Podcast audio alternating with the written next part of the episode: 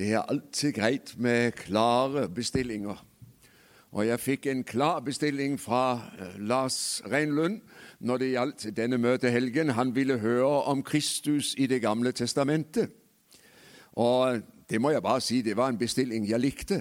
For jeg syns det er veldig spennende med forholdet mellom Det gamle og Det nye testamentet, å få lov å se de linjer som går gjennom hele Skriften. En av de tingene som gjør at, Guds, at Bibelen for meg usvikelig er Guds ord, det er alle de mange mange linjer som binder sammen hele Skriften på tvers av århundre, forskjellige forfattere, og så taler likevel Ånden det samme ordet gjennom hele Skriften. Det er veldig spennende. I går talte vi om dette med Jesus som Guds lam.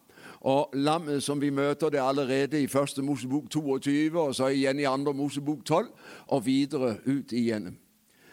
Jeg nevnte det at når Israel ved Sinai slutter pakt, eller når Gud ved Sinai slutter pakt med Israel, så oppstår det naturligvis med en gang et problem. For det er en hellig Gud som slutter pakt med et syndig folk. Hvordan i alle dager skal det gå? For hvordan kan en hellig Gud leve med et folk av syndere? Og Så er det veldig interessant å se i andre Mosebok og tredje Mosebok hvordan Gud gir Israel i, i gåseøyne et nådemiddel som gjør at denne relasjonen kan fungere. Han kaller Moses opp på Sinai, og så gir han Israel det hellige sted, tabernaklet. Så gir han dem den hellige tjeneste, nemlig offertjenesten. Og så gir han dem de hellige tjenere, nemlig prestene.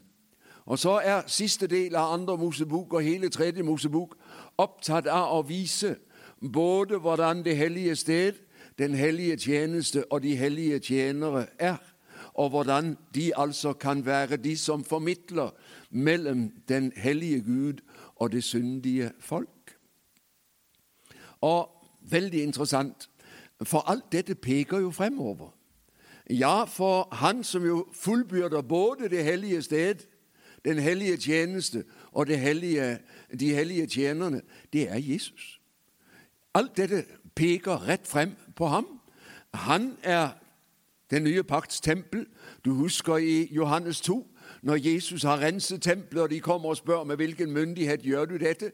Hvilke tegn gjør du som viser at du har rett til dette? Og Da sier han, riv ned dette tempelet, på tre dager skal jeg reise et nytt og de rister på hodet. 46 år har det vært bygd på dette tempel, og du snakker om å reise tempel på tre dager. Glem det.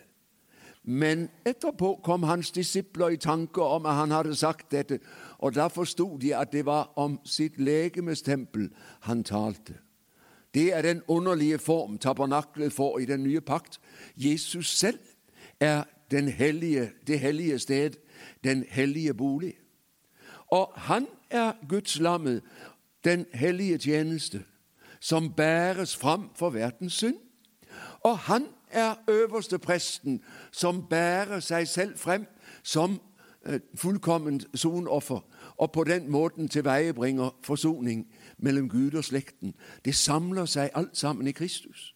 Og det er veldig spennende at Det, nye, at det Gamle testamentet på den måten tegner ut for oss jeg har ofte brukt bildet av sandkassen. Når vi var unger, så bygde vi hus og byer og veier i sandkassen. Og så var det bilder på det som ble virkelig gjort i de voksnes verden. Det gamle testamentet tegner modellen, og så viser Det nye testamentet oss oppfyllelsen, hvordan alt dette virkeliggjøres når Guds time er der i ham som Gud sender, Gud selv, Jesus Kristus. I går talte vi om den hellige tjeneste, om offertjenesten. I kveld skal vi tale om den hellige tjener. Og vi er tilbake i Andre Mosebok. Eh, denne gang er det ikke påskefesten i Andre Mosebok 12 som er utgangspunktet, men det er Andre Mosebok 28. Der står det om øverste presten. Og så er det tredje Mosebok, kapittel 8 og 9 og kapittel 16, som danner bakgrunn for denne tjenesten som går gjennom hele den gamle pakt. Men jeg har lyst til som inngang å lese for deg to vers, eller noen vers fra Hebreabrevet, og jeg leser fra vers 26 i kapittel 7. Ja, en slik øverste prest måtte vi ha, hellig, uten ondskap, ren, atskilt fra syndere og opphøyd over himlene. Han trenger ikke som andre øverste prester å bære fram offer hver dag, først for sine egne synder og så for folkets. For offeret har han båret frem én gang for alle, da han ofret seg selv. Og så kommer det i kapittel 8, vers 1. Hovedsaken i det vi taler om her, er dette. En slik øverste prest er det vi har, og han har satt seg på høyre side av majestetens trone i himmelen. Der gjør han tjeneste i helligdommen, den sanne telthelligdommen, som er reist av Herren selv og ikke av mennesker. Øverste presten, han er også Kristus i Det gamle testamentet. For hele hans fremtreden og hele hans tjeneste er en eneste stor profeti om ham som skal komme, og som kommer når Gud stiger inn i verden og blir menneske. Det er veldig interessant. Gud utvelger Moses til å føre Israel ut av Egypt. Han danner ham gjennom en lang tids oppdragelse, 80 år, 40 år som prins i Egypt, 40 år som gjeter i Sinai-ørken. Da er tiden omsider inne. Og 80 år gammel så kalles Moses etter denne lange utdanning til å være den som møter kongen i Egypt og fører folket som en gjeter ut i ødemarken til Sinai og siden videre mot løfteslandet. Og så har han fullført sin tjeneste. Og Moses er en engangstjener. Han har en grunnleggende tjeneste og er et bilde på Kristus, han også. Men for å utføre den, utføre den hellige tjeneste, så blir Moses bedt om å velge ut sin bror Aron og hans sønner. De skal være dem som forestår den faste offertjenesten på det hellige sted opp igjennom videre i Israels historie. Og i sporene efter dem stadig nye Arons sønner. Arons etten er presteetten.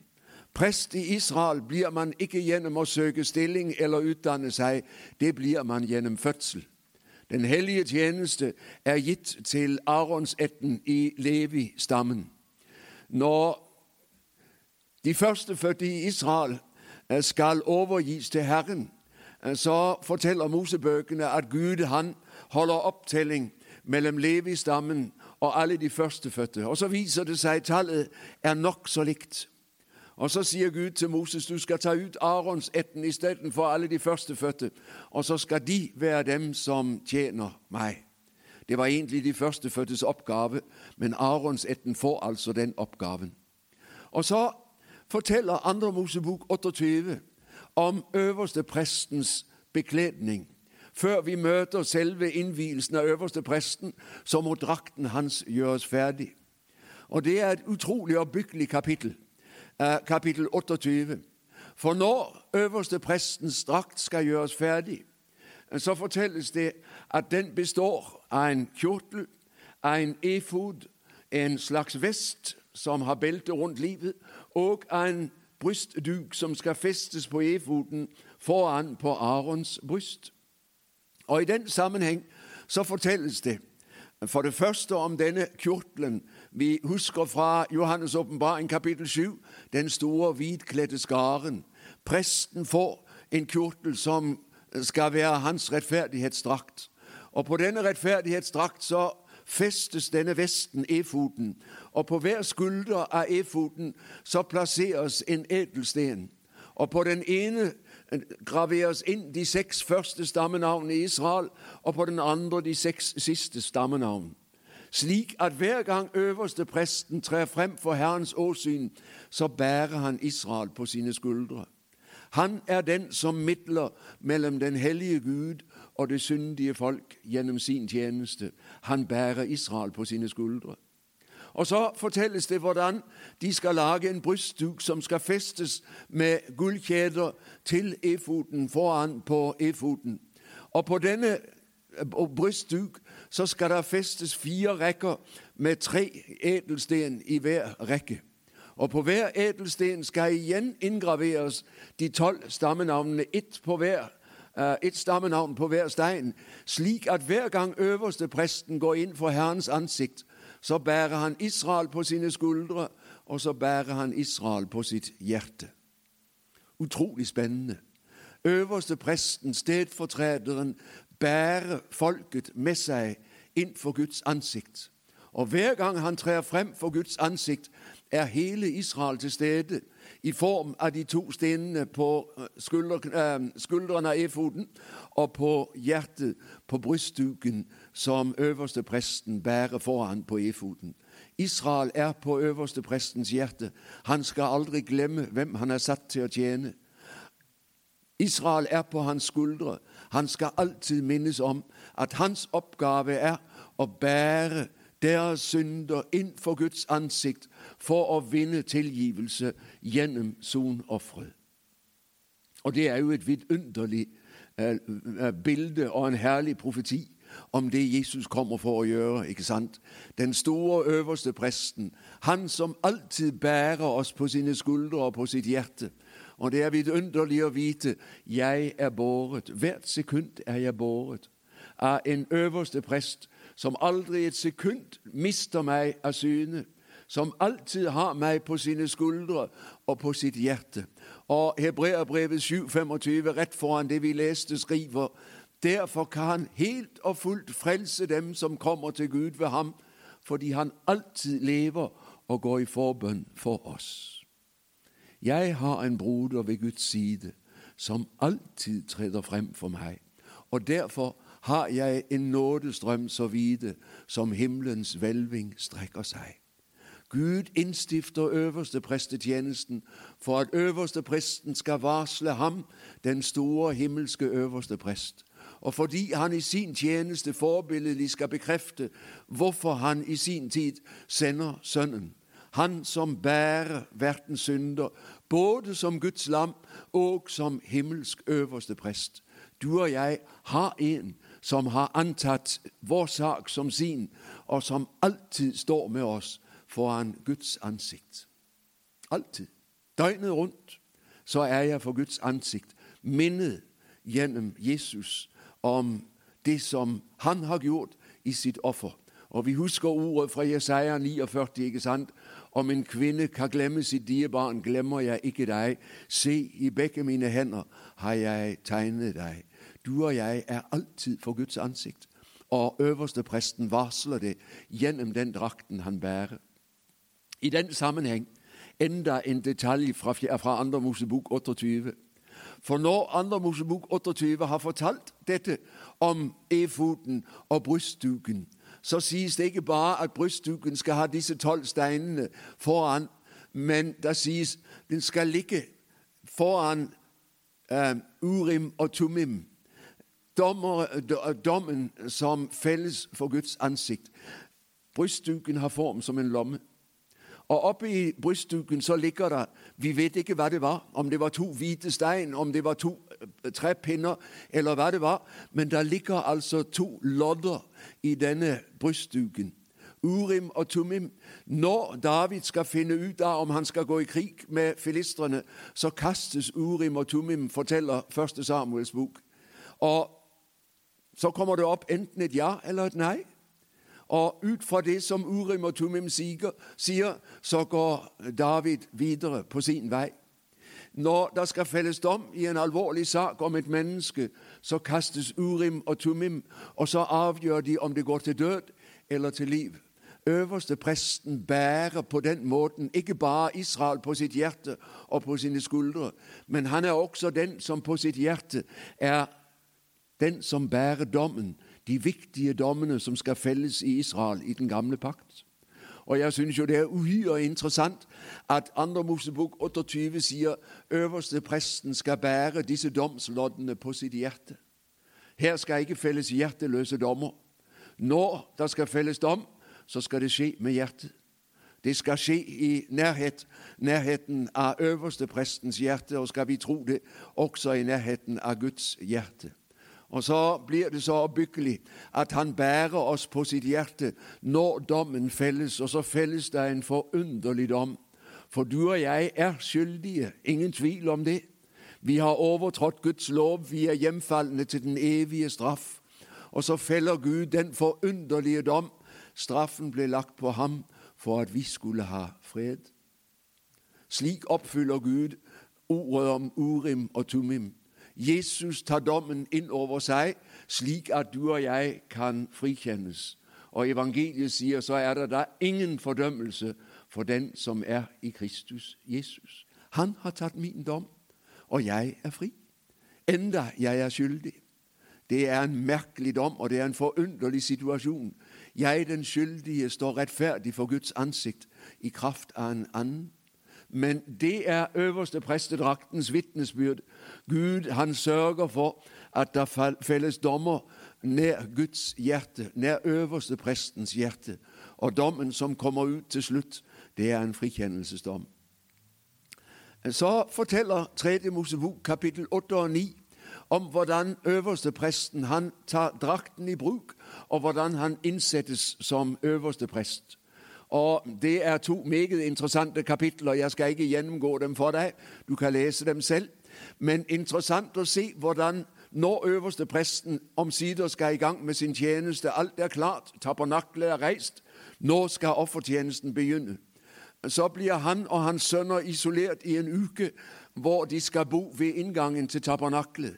Nå settes de til side. Ordet 'hellig', hva betyr det? Det betyr å være satt til side for en spesiell oppgave. Og det er det som skjer.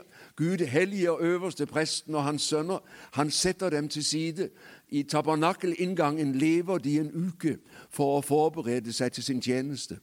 Og så står det at de renses i rent vann.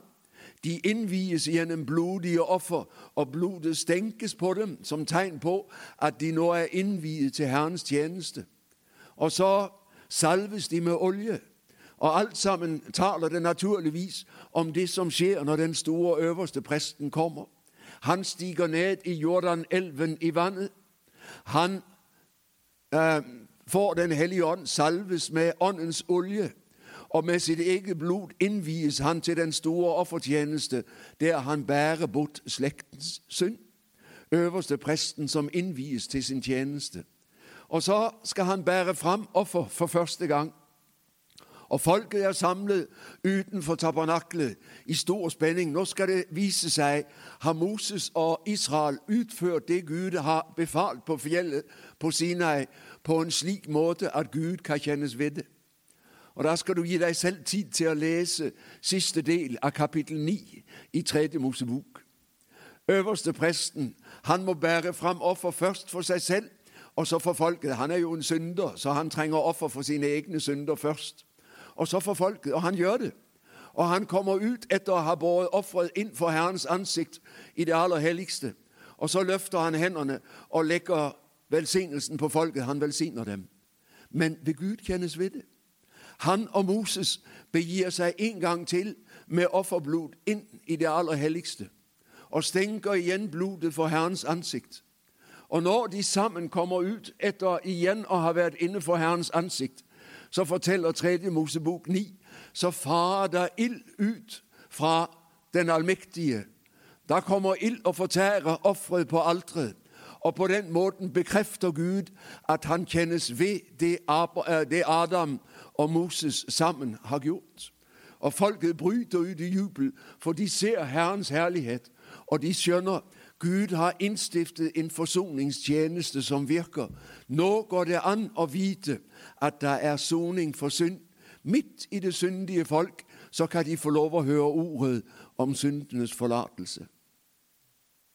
En merkelig stund og et merkelig ord. Gud som anerkjenner den prest han selv har innsatt, den offertjenesten han selv har innsatt, det offersted og den hellige bolig som han selv har befalt. Nå har Gud gitt det sin aksept og sagt dette er blitt som jeg ville. Og Israel vet at fra nå av så bor Herren midt i folket. Og Tegnet på det forteller 2. Mosebok kapittel 40. Det er at skyen om dagen hviler over teltet, og om natten ildsøylen, som viser her er Guds bolig midt i Israel. I 4. Mosebok kapittel 2 så er det fortalt hvordan Israels leieorden er når de vandrer i ørkenen. Og det er oppbyggelig, det også. For mot nord er det tre stammer som leirer seg. Mot øst er det tre stammer som leirer seg. Mot sør er det tre stammer. Mot vest er det tre stammer. Og midt imellom, midt i leiren, reises tabernaklet. Slik at enhver israelitt, når han går ut av sitt telt om morgenen, det første han ser, det er skyen og Herrens bolig. Og så vet han Gud er i vår midte. Vi er ikke overlatt til oss selv. Herren er hos oss. Og hver gang han snur seg mot ødemarken og kjenner et gys av angst for alt det ukjente, så vet han Herren er i ryggen. Jeg er ikke alene i møte med det som venter. Gud går med meg. Jeg er trygg. Det er en forunderlig leieorden, og den får sin herlige oppfyllelse i ordet i Matteus 18, hvor to og tre er sammen i mitt navn. Der er jeg midt iblant dem. Som i den gamle pakt, så i den nye. Herren er i vår midte. En forunderlig trygghet. Hver gang vi er sammen som Guds menighet, vi er aldri alene. Takk for den fine sangen du sang, eh, Lars. Og det er jo en vidunderlig sannhet. Herren går ved din side. Han bor i din midte. Du er aldri et sekund overlatt til deg selv. Han kjente Guds forlattheten på Golgata for at du og jeg aldri skulle kjenne den. Herren har innstiftet et hellig sted, en hellig tjeneste, og satt hellige tjenere, en hellig tjener, til å fullbyrde denne tjenesten, slik at du og jeg kan få lov å vite jeg er i Guds omsorg. Jeg er tatt inn under forsoningens offer, slik at jeg i kraft av Kristus er rettferdig for Gud og får lov å leve i Hans samfunn. Så er øverste presten i gang med sin tjeneste. Og så står det aldeles tragisk, rett i forlengelse av dette fantastiske, at ild farer ut fra Herrens åsyn og fortærer offeret. At Israel får se at det Gud har innstiftet, det fungerer. Så fortelles det at de to eldste sønnene til, Nadab, til Aron, Nadab og Abihu, de blir aldeles overmodige. De misforstår det kall de har fått, og de blir plutselig så overmodige at de tar offerild i sine eh, offerpanner. Og så begir de seg på eget initiativ rett inn i Den helliges nærhet. De skal sannelig også være med. Og det ender i en katastrofe på denne gledens dag, for de bæres ut som lik, begge to. Igjen farer ild ut fra Herrens ansikt, men denne gang ikke nåderik ild, men domsild. Noen tar seg til rette på egen maskin og etter egen idé i Herrens hus. Det gjør man ikke. Der gjør man det Herren har bestemt. Det er ham som rår i det huset, og han aksepterer ikke vanhellig tjeneste, fremmed ild. Og Dermed så får Aron på festdagen, på innvielsesdagen, samtidig en advarsel som han aldri glemmer. Han mister sine to eldste sønner fordi de ikke ivaretar tjenesten etter Herrens ordre. De går etter eget hode. Et forferdelig alvorlig eksempel. Og Jeg vet ikke om du har tenkt på det, men ved inngangen til den nye, prest, til den nye pakts tjeneste i apostelgjerningene så får du en parallell. I kapittel 5 så leser vi om eh, Ananias og Safira. De som foregir at de har brakt alt til Herren, men de har gravd ned en sikkerhet, for man kan jo aldri stole på om Gud virkelig er til å regne med. Og så har de holdt noe unna. Og når Ananias kommer til Peter og foregir at nå bringer han alt til Herren, så gir Herren Peter profetisk klarsyn, så han ser rett igjennom hykleren og sier til ham, 'Hva er det du har gjort?' Du har lekt med Den hellige ånd. Og i samme øyeblikk så faller Ananias død om. Og når Safira litt senere kommer inn, og Peter spør var dette virkelig alt, det dere brakte til Herren, så sier hun ja. Og så sier Peter til henne, de trinnene du hører, er dem som bar ut din mann. Nå skal du bæres ut, du også. Og så dør Safira. Jeg har stusset på det. Merkelig. Ved inngangen både til den gamle pakts og til den nye pakts tjeneste er det som om Gud reiser en advarsel og sier man leker ikke med Den hellige. Det er alvor å ha med Gud å gjøre. Det trenger vi å høre i dag. For i dag er det mange som tror at det er ikke så farlig. Vi tjener Gud på vår måte. Vi tror på vår måte. Vi gjør det på vår måte, og Gud har bare å være fornøyd med det. Og Skriften sier det holder ikke. For Gud lar seg ikke spotte. Det trenger vår generasjon å lære, og det trenger vi å si til hverandre. Det å ha med Gud å gjøre, det er alltid dyp alvor, for Gud er fortsatt den hellige. Ja, han er den nådige. Han er den kjærlige. Så høyt har Gud elsket verden. Hvor høyt? Så høyt at han ga sønnen på Golgata. Og så holder Golgata en sterk preken om det at synd, det er alltid alvor. Det koster Guds sønn livet. Du kan aldri tenke at dette betyr ingenting, at Gud tar det nok ikke så nøye. Han ser gjennom fingre. Og Nadab og Abihu og Ananias og Safira de holder en sterk preken om dette, at det å være for Guds ansikt og det å tjene Den hellige, det er alltid forbundet med dyp ærefrykt, med stor glede, men også med den erkjennelse innenfor Den helliges ansikt kommer man ikke lettvint, for Han er den allmektige. Han er den som sitter overalt, og det sømmer seg å møte ham i ærbødighet og tilbedelse. Det kan du og jeg gjerne ta med oss. Men i den sammenheng eh, så er det at eh, øverste presten får å vite det å ferdes for Den helliges ansikt, det er ikke noe man gjør lettvint. Og Resultatet er at Gud, når han innstifter den store forsoningsdag, understreker det å komme inn i det aller helligste. Det er så alvorlig at det kan skje bare én dag i året, på Jom Kippur, den tiende dag i den sjuende måned, fire dager før løvhyttefesten, den store høstfesten feires. Da er det den store alvorsdagen i Israels liv. Den dag i dag. Jeg har vært i Jerusalem på Jom Kippur. Det er en merkelig opplevelse. Barna leker midt i de travle uh, gatene og midt i hovedveiene, for det er ikke en bil å se. Noen ganske få noen palestinske drosjer kjører, men ellers så er byen fullstendig død. Hvor er folket? Alle er i synagogen og bekjenner sine synder. For Jom Kippur er den store oppgjørsdagen da man gjør opp for siste årets synder, og da man er i dyp bot for Den helliges ansikt. Dessverre, eh, de som står i synagogen, har ikke oppdaget soneofferet og derfor håper de at de skal bli tilgitt i kraft av sitt fromme liv, og i, kraft av sine bønner og i kraft av sine almisser.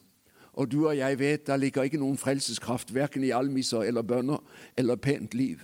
Du må et annet sted hen, til Guds lamme som bar all verdens synd. Og Derfor driver vi Israels misjon for å hjelpe Israel til å erkjenne det. Men altså, Aron får vite hva du leser i 3. Mosebok 16. En gang om året kommer du inn for mitt ansikt, og du kommer ikke uten offerblod. Først for dine egne synder, og så for folkets synder. Og så er øverste prestens oppgave den dag å ta av seg den vakre drakten som er laget til ham, og kle seg i en helt enkel, hvit lindrakt. For denne dagen er så full av alvor når han skal inn med sonofferet for Guds ansikt for hele folket, at det sømmer seg å komme på enkleste vis. Her er ikke noe å vise til. Her kommer han nesten naken for Guds ansikt. Hva kommer han med? Ja, ute ved inngangen til tabernaklet står det to bukker. Og før han går inn i tabernaklet med blod, offerblod, så må han altså kutte halsen på den ene bukken, samle blodet, og med det begir han seg så inn for Guds ansikt. Når han kommer gjennom det hellige Tabernaklet hadde en forhold, det hellige og så det aller helligste. Når han kommer inn i det aller helligste, så er det bullrende mørkt. Inne i det aller helligste finnes det ingen lyskilder. Og til alt overmål så forteller Det gamle testamentet at den dagen så skal det ofres masser av røkelse på røkelsesalteret rett ved inngangen til det aller helligste, slik at det ikke er noen risiko for at Aron skal se den hellige Gud. For Skriften vet det og sier det veldig tydelig i 2. Mosebok 33, vers 20. Den som skuer Gud, han er dødsens. En synder kan ikke tåle å se Guds ansikt. Og Derfor eh, så må det både være mørkt og masser av røyk, så det ikke er noen fare for at Aron skal skue Gud. Og Jeg ser det for meg der han kommer inn gjennom forhenget og prøver å ta seg frem til han kjenner kanten på paktsarken og lukket. Den står midt i det aller helligste, med to kiruber og to engleskikkelser av gull eh, som er støpt fra arkens lokk og oppover for Guds ansikt. Tronstolen, det er Herren troner. Hvis du husker det, så sies det i Det gamle testamentet Herren er den som troner over kirupene. Kirupene, livsvesenene fra Edens hage. Du husker det, ikke sant?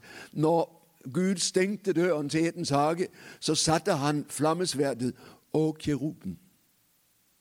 Og det interessante er, på innsiden av tabernaklet så er det fullt av kiruber vevet inn i veggen.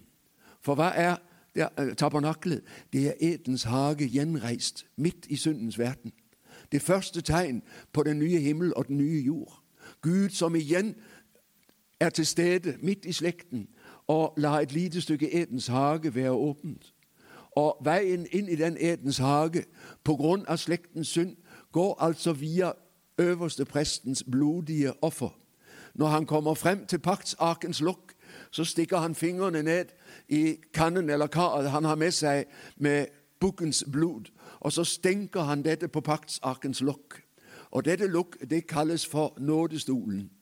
For her sørger blodet fra det uskyldige dyr som er gitt for alle de skyldige som står utenfor, sørger for å dekke over anklagene fra paktsarkens tavler, lovtavlene, som anklager Israel for Gud. De har brutt budene. Fra det første til det tiende. Anklagen stiger opp hele tiden.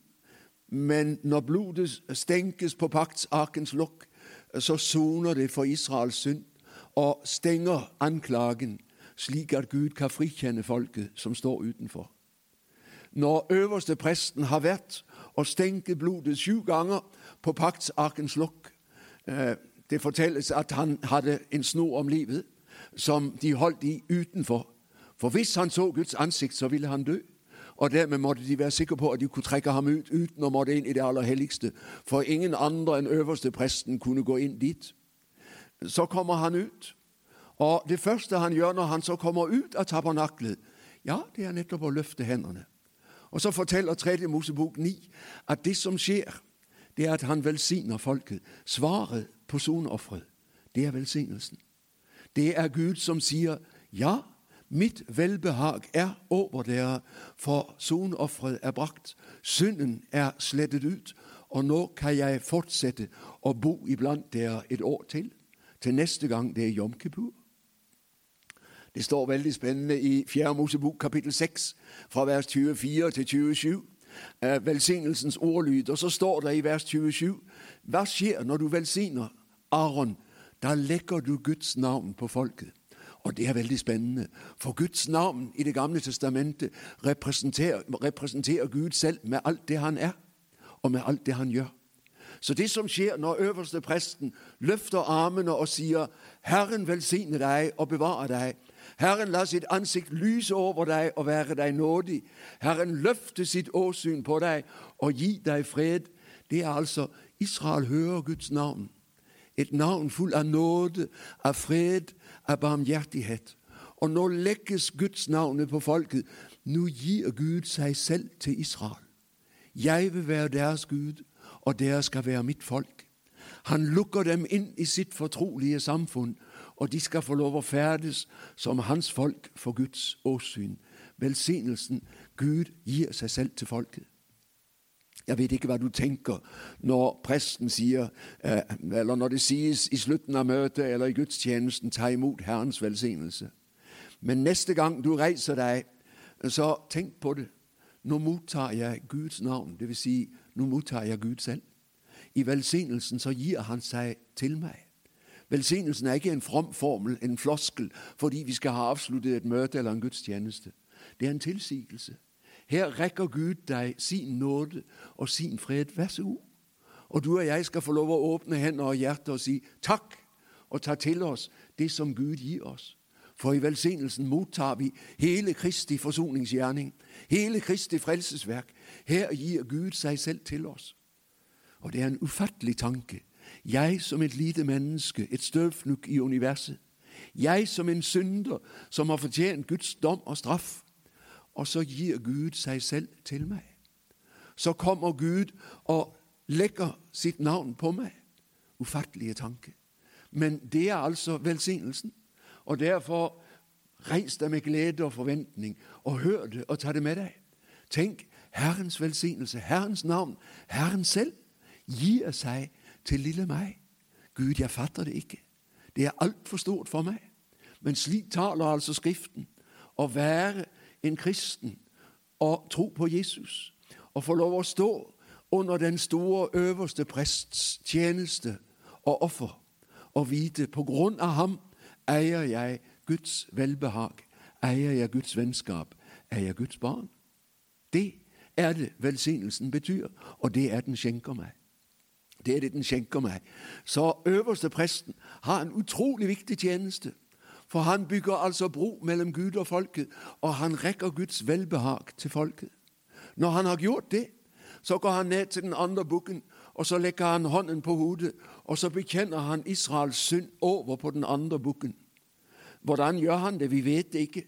Man har gjettet på om han resiterer de ti bud, og så sier f.eks.: Herre, forbarm deg, tilgi oss, eller noe sånt. Vi vet det ikke. Men han bekjenner Israels synd over på bukken, slik at når bukken i neste omgang er en mann som er utvalgt til det, føres ut i ødemarken, så bærer den med seg Israels synder. De er sonet, de er slettet ut, og nå fjernes de fra Israels leir. Hvis du leser 2011-oversettelsen, eh, Bibelselskapets siste oversettelse, så oversetter de i Johannes 1, 29, Se, det er Guds lam som bærer bort verdens synd. Og Det greske ordet har den betydning. Det bærer, men ikke bare bærer, det bærer bort dette offerdyret, Israels synd. Den føres, står der i 3. Mosebok 16, tilbake til Asarsel. Og som jeg nevnte i går, Eh, de lærte strides om hva dette navnet betyr. Men de fleste regner med at det er uttrykk enten for demoner eller for den onde selv. Synden bringes tilbake der den kommer fra. Den fjernes fra Israels leir. Når du og jeg mottar syndenes forlatelse, når vi i troen griper Kristi offer og Kristi tjeneste, så er det det vi får. Vi får en tilgivelse som betyr at min synd er slettet ut, og den er fjernet. Og Mika 7, 19 sier den er begravet i havets dyp. Og du kjenner det gamle utsagn som emissærer stadig bruker. Her er plassert et stort skilt hvor det står 'fisking forbudt'. Vi er ferdig med det.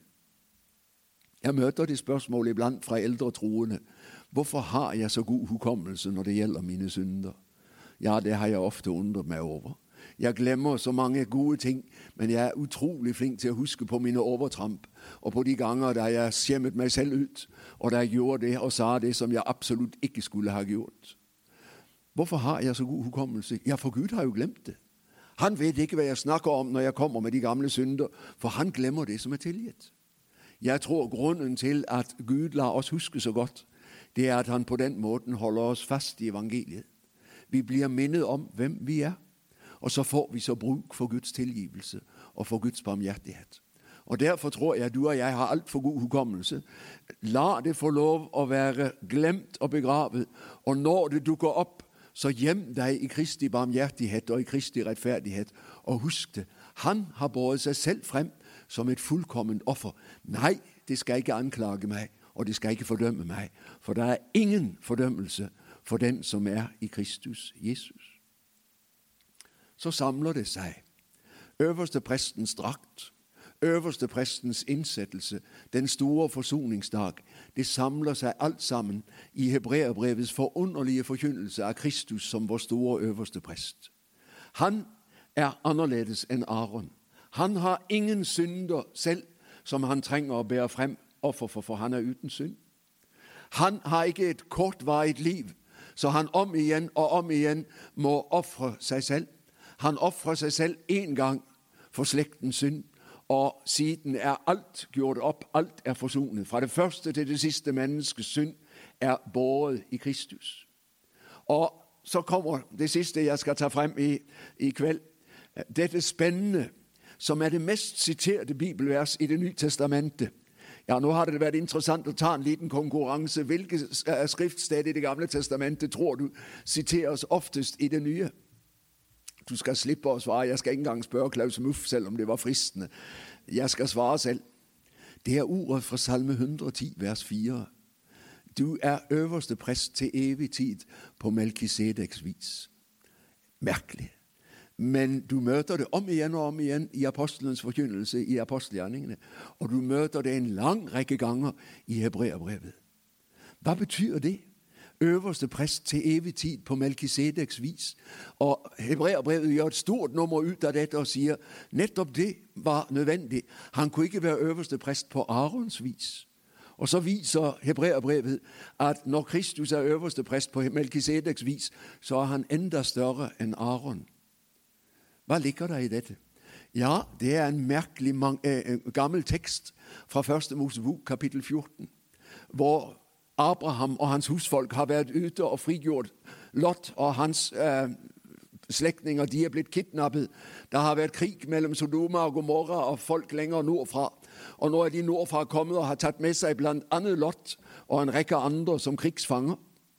Og når Abraham får høre dette, så samler han folkene i sitt hus. Og da skjønner du han er litt av en sjeik. 600 eller 519 mennesker har han i arbeid, så han har ikke akkurat vært noen sånn enkel sauegjeter. Og Så tar han alle disse mannfolk med seg, og så drar de nå over og får frigjort Lot og de andre. Og Når de så er på vei tilbake for at disse skal få lov å vende hjem, så kommer de forbi Salem, altså Jerusalem. Og Det er en liten bystat med en egen prestekonge som bærer navnet Melkisedek. Det er neppe et navn, det er en tittel. For Melki det er det hebraiske konge Malki. Og Tzedek det betyr rettferdig. Så han er rettferdighetskonge, og han bor i Salem. Shalom, det betyr fred. Og Hebreabrevets forfatter sier ja, akkurat det er han. Så stor er han. Han er rettferdighetens konge fra fredens by, og dermed et glimrende bilde på vår Herre Jesus Kristus. Og Så kan du undres på hvorfor i alle dager synger Salme 110 om denne Melkisedek. Det får du og jeg ikke noe svar på her i tiden. Det får vi spørre om når vi kommer frem. Men Salme 110 er en spennende salme, for det er en messiansk kongesalme. Det er en salme som formentlig er sunget i forbindelse med at Salomo eller en annen konge er blitt innsatt som konge i Jerusalem. Og den forkynner du skal være konge til evig tid på Melkis, eller prest til evig tid på Melkisedeks vis, altså prestekonge. Når vi kommer et stykke ut i historien i Det gamle testamentet, så er presten en og kongen en annen.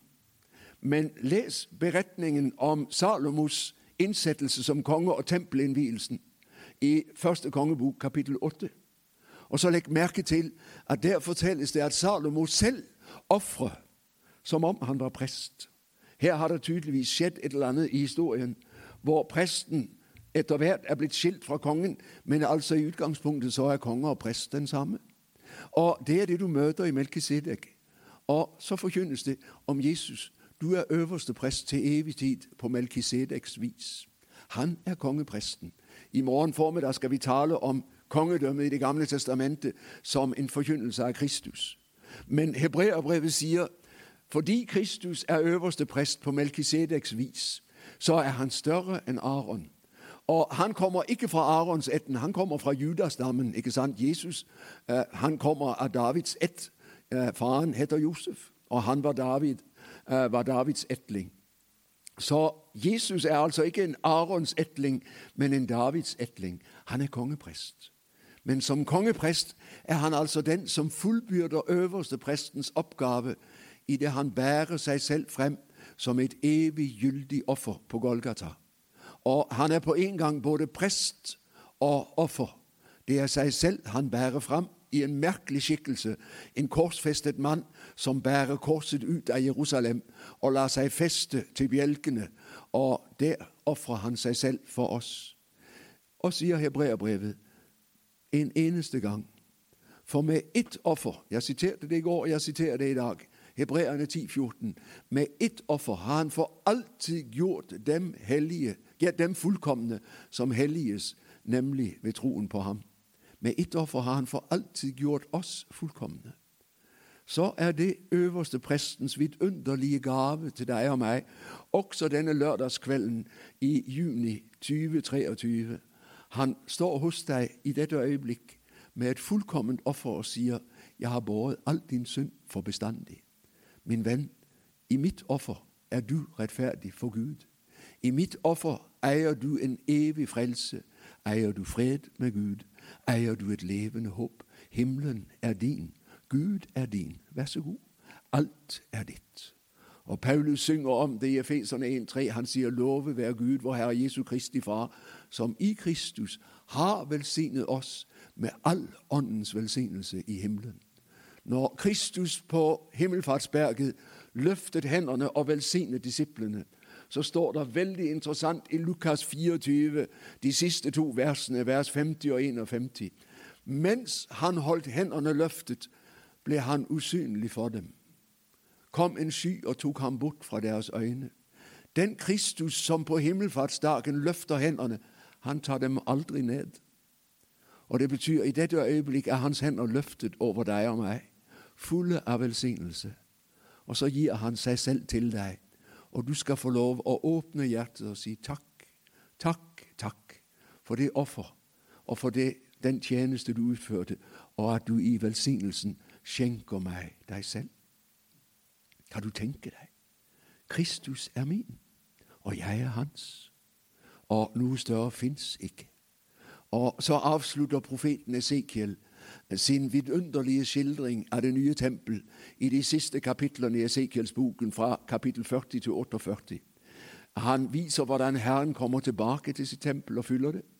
Han viser hvordan livselven strømmer fra Guds trone i tempelet og gjør det døde hav friskt. Og så avslutter han i det siste vers i Esekiel 48. Han har skildret tempelet og byen og landet. Og så sier han byens navn er Yahweh Shamar. Herren er der. Herren er der. Gjennom alle år jeg har reist, har det alltid vært sånn. Hver gang jeg gikk ut av døren, begynte jeg å lengtes etter henne som jeg tok avskjed med, for jeg elsket henne. Hver gang jeg kom hjem, så var det salig, for da var jeg sammen med henne. Du og jeg lever enda der hvor vi ikke ser ham. Vi vet han er her, men vi ser ham ikke. Men vi skal få lov å bære den glede og den lengsel i oss. Det ender i kjærlighetens fullbyrdelse. En dag ser jeg ham, og da blir jeg ham like idet jeg ser ham som han er. Og da vet jeg nå skal jeg aldri mer skilles fra ham. Nå skal jeg aldri mer ta avskjed.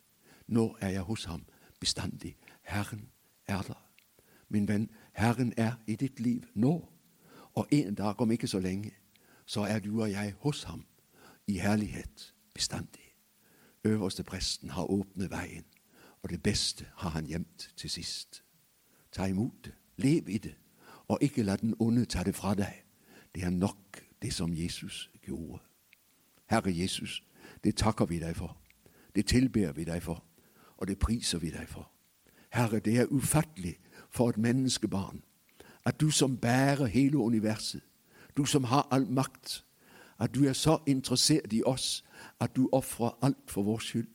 At du bøyer deg så dypt ned for vår skyld. Og Herre, at du kommer til oss for å dele deg selv med oss. Og Herre, la våre hjerter og øyne gripe det, så vi kan få lov å leve i lovsang og tilbedelse og undring. Nåde at du fant meg. Nåde at du vant meg. Nåde at du bærer meg hjem til deg. Herre, vi priser ditt navn. Amen.